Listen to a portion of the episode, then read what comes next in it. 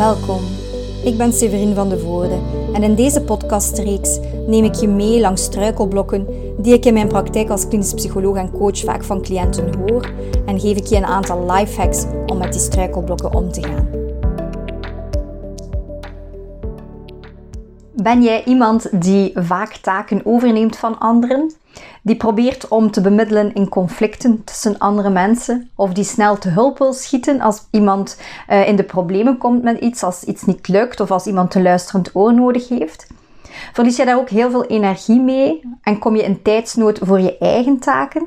Dan heb ik voor jou een uh, schitterende lifehack en die heet Moejoenie moei je niet. Bemoei je niet met zaken die eigenlijk niet de jouwe zijn.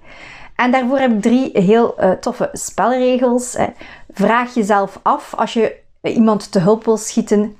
1. Is er een vraag gesteld? Nee? Dan mag je jou niet moeien. Dan is het niet jouw bevoegdheid om je daarmee te gaan moeien. Dus moei je niet. 2.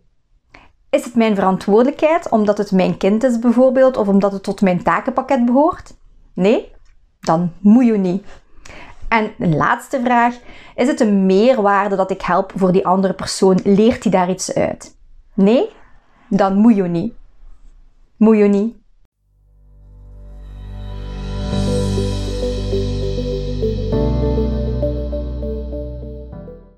De eerste spelregel. Is er een vraag gesteld? Niet alleen verlies je heel veel energie en tijd, door dingen van mensen over te nemen zonder dat de mensen om hulp hebben gevraagd. Maar er zijn ook mensen die dat echt vervelend vinden dat je dingen overneemt zonder dat zij jou hebben gevraagd. In het verleden was ik eh, docent aan de hogeschool en ik gaf het vak revalidatiepsychologie.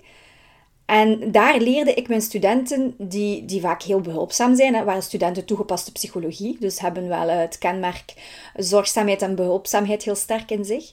Ik leerde hen om niet zomaar te hulp te schieten als uh, ze iemand met een beperking zien. Hè. Dus revalidatiepsychologie was een vak waarin uh, de verschillende lichamelijke beperkingen aan bod kwamen, waaronder zintuigelijke beperkingen als blindheid en doofheid. Uh, maar ook eh, lichamelijke beperkingen, moeilijk te been zijn hè, in, de, in de diverse vormen, in de verschillende graden van ernst.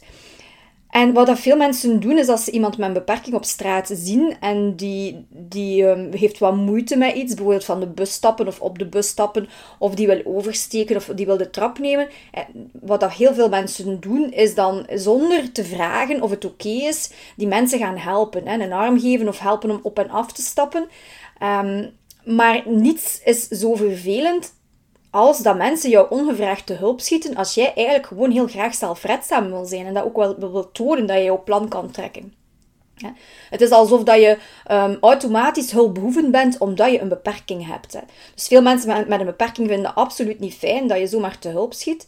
Dus als je het gevoel hebt van, ja, ik zie daar wel een probleem, hè, ik zou wel willen gaan helpen, dat kan, maar dan mag je, moet je het eerst gewoon vragen. Hè. Vraag of je kan helpen, of je mag helpen. En als je mag helpen, op welke manier dat je dan mag helpen. Hè. En niet zomaar uh, gaan doen wat jij denkt dat nodig is. Hè. Vraag dan wat, er, wat je kan doen. Ik zelf vind het ook heel vervelend als mijn dochter bijvoorbeeld iets uit mijn handen neemt zonder dat ik uh, daar een, een vraag uh, naar gesteld heb, zonder dat ik daar gevraagd heb. Dus dat ze wel de bedoeling heeft om, om goed te doen en om mij te, te ondersteunen, mij te ontlasten, maar dat het mij eigenlijk meer last bezorgt dat zij iets uit mijn handen neemt bijvoorbeeld. Hè. Op school krijgt ze trouwens ook heel vaak uh, het commentaar dat, ze, dat zij niet te juf is. Hè. Dus dat, is echt vanuit goede bedoelingen. Ze, is heel behulpzaam, heel zorgzaam. Ze wil andere mensen gaan helpen, maar ze doet dat op zo'n manier um, dat dat eigenlijk als moeien overkomt. Hè. En daar is eigenlijk de naam van de techniek ontstaan. Hè. Om op een grappige manier tegen haar te zeggen van kijk, je mag je niet moeien als er geen vraag is gesteld, als mensen jou niet dat mandaat hebben gegeven. Hè. Dus moei je niet, een, een, een, grappige en luchtige manier om haar eigenlijk terecht te wijzen op het gedrag dat ze stelt.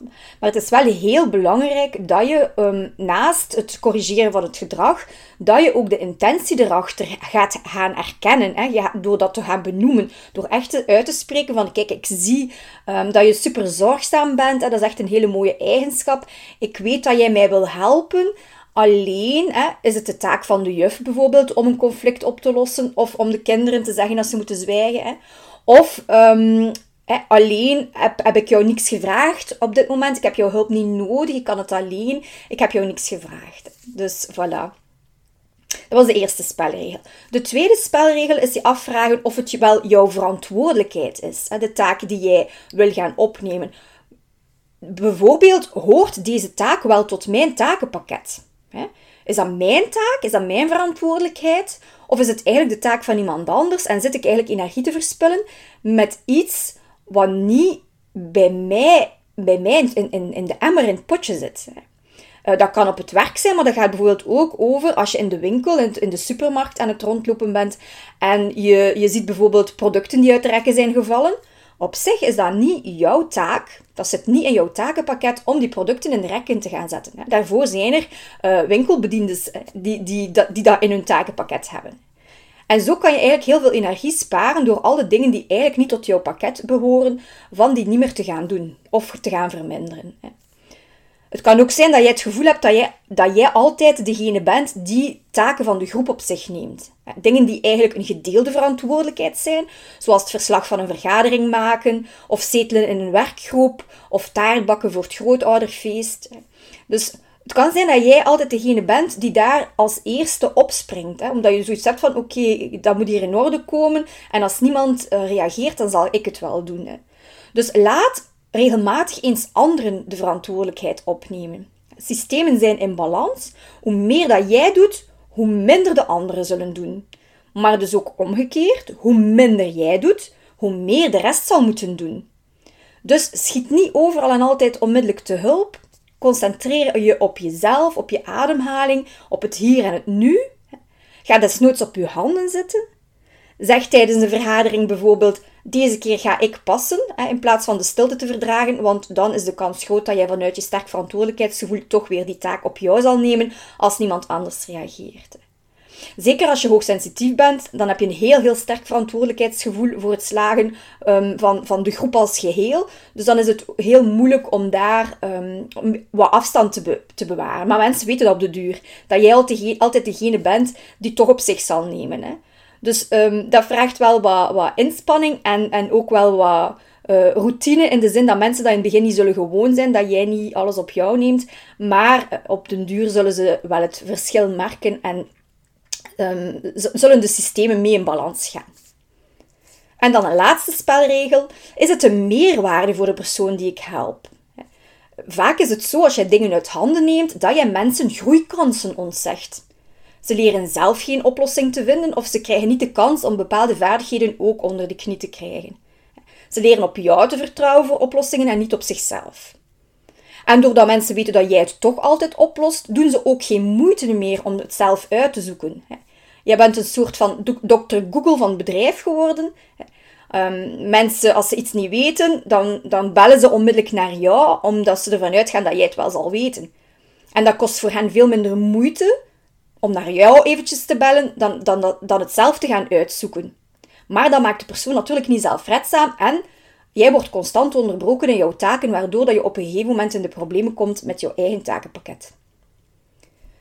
En dat geldt ook als je kinderen hebt voor je kinderen. Dus doe niet langer voor je kinderen wat ze eigenlijk zelf kunnen, zoals hun kamer opruimen of hun kleren aandoen of hun koek en fruit in de boekentas steken.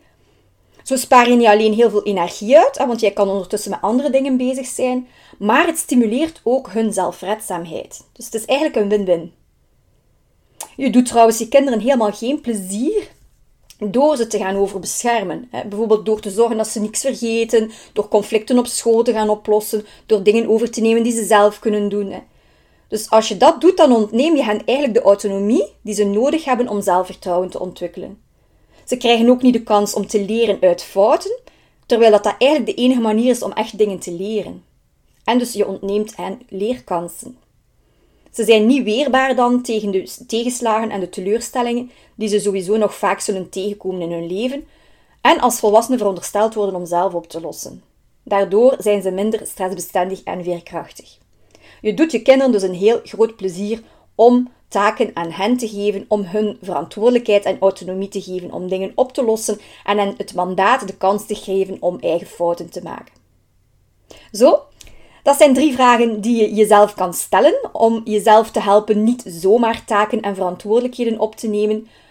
Dingen die eigenlijk niet jouw uh, verantwoordelijkheid zijn, die eigenlijk niet tot jouw takenpakket behoren, maar uh, waar je op een gegeven moment ja, een, een, een soort van spontane reflex hebt om dat toch te gaan doen. Door die drie vragen te stellen en een aantal dingen daardoor te kunnen schrappen, zal je heel veel energie sparen. Wil je meer weten over energiebeheer? Lees dan zeker mijn boek Van stress naar veerkracht. Bedankt voor het luisteren. Neem zeker een kijkje op vanstressnaarveerkracht.be voor interessante online cursussen en volg me op Instagram voor gratis waardevolle tips.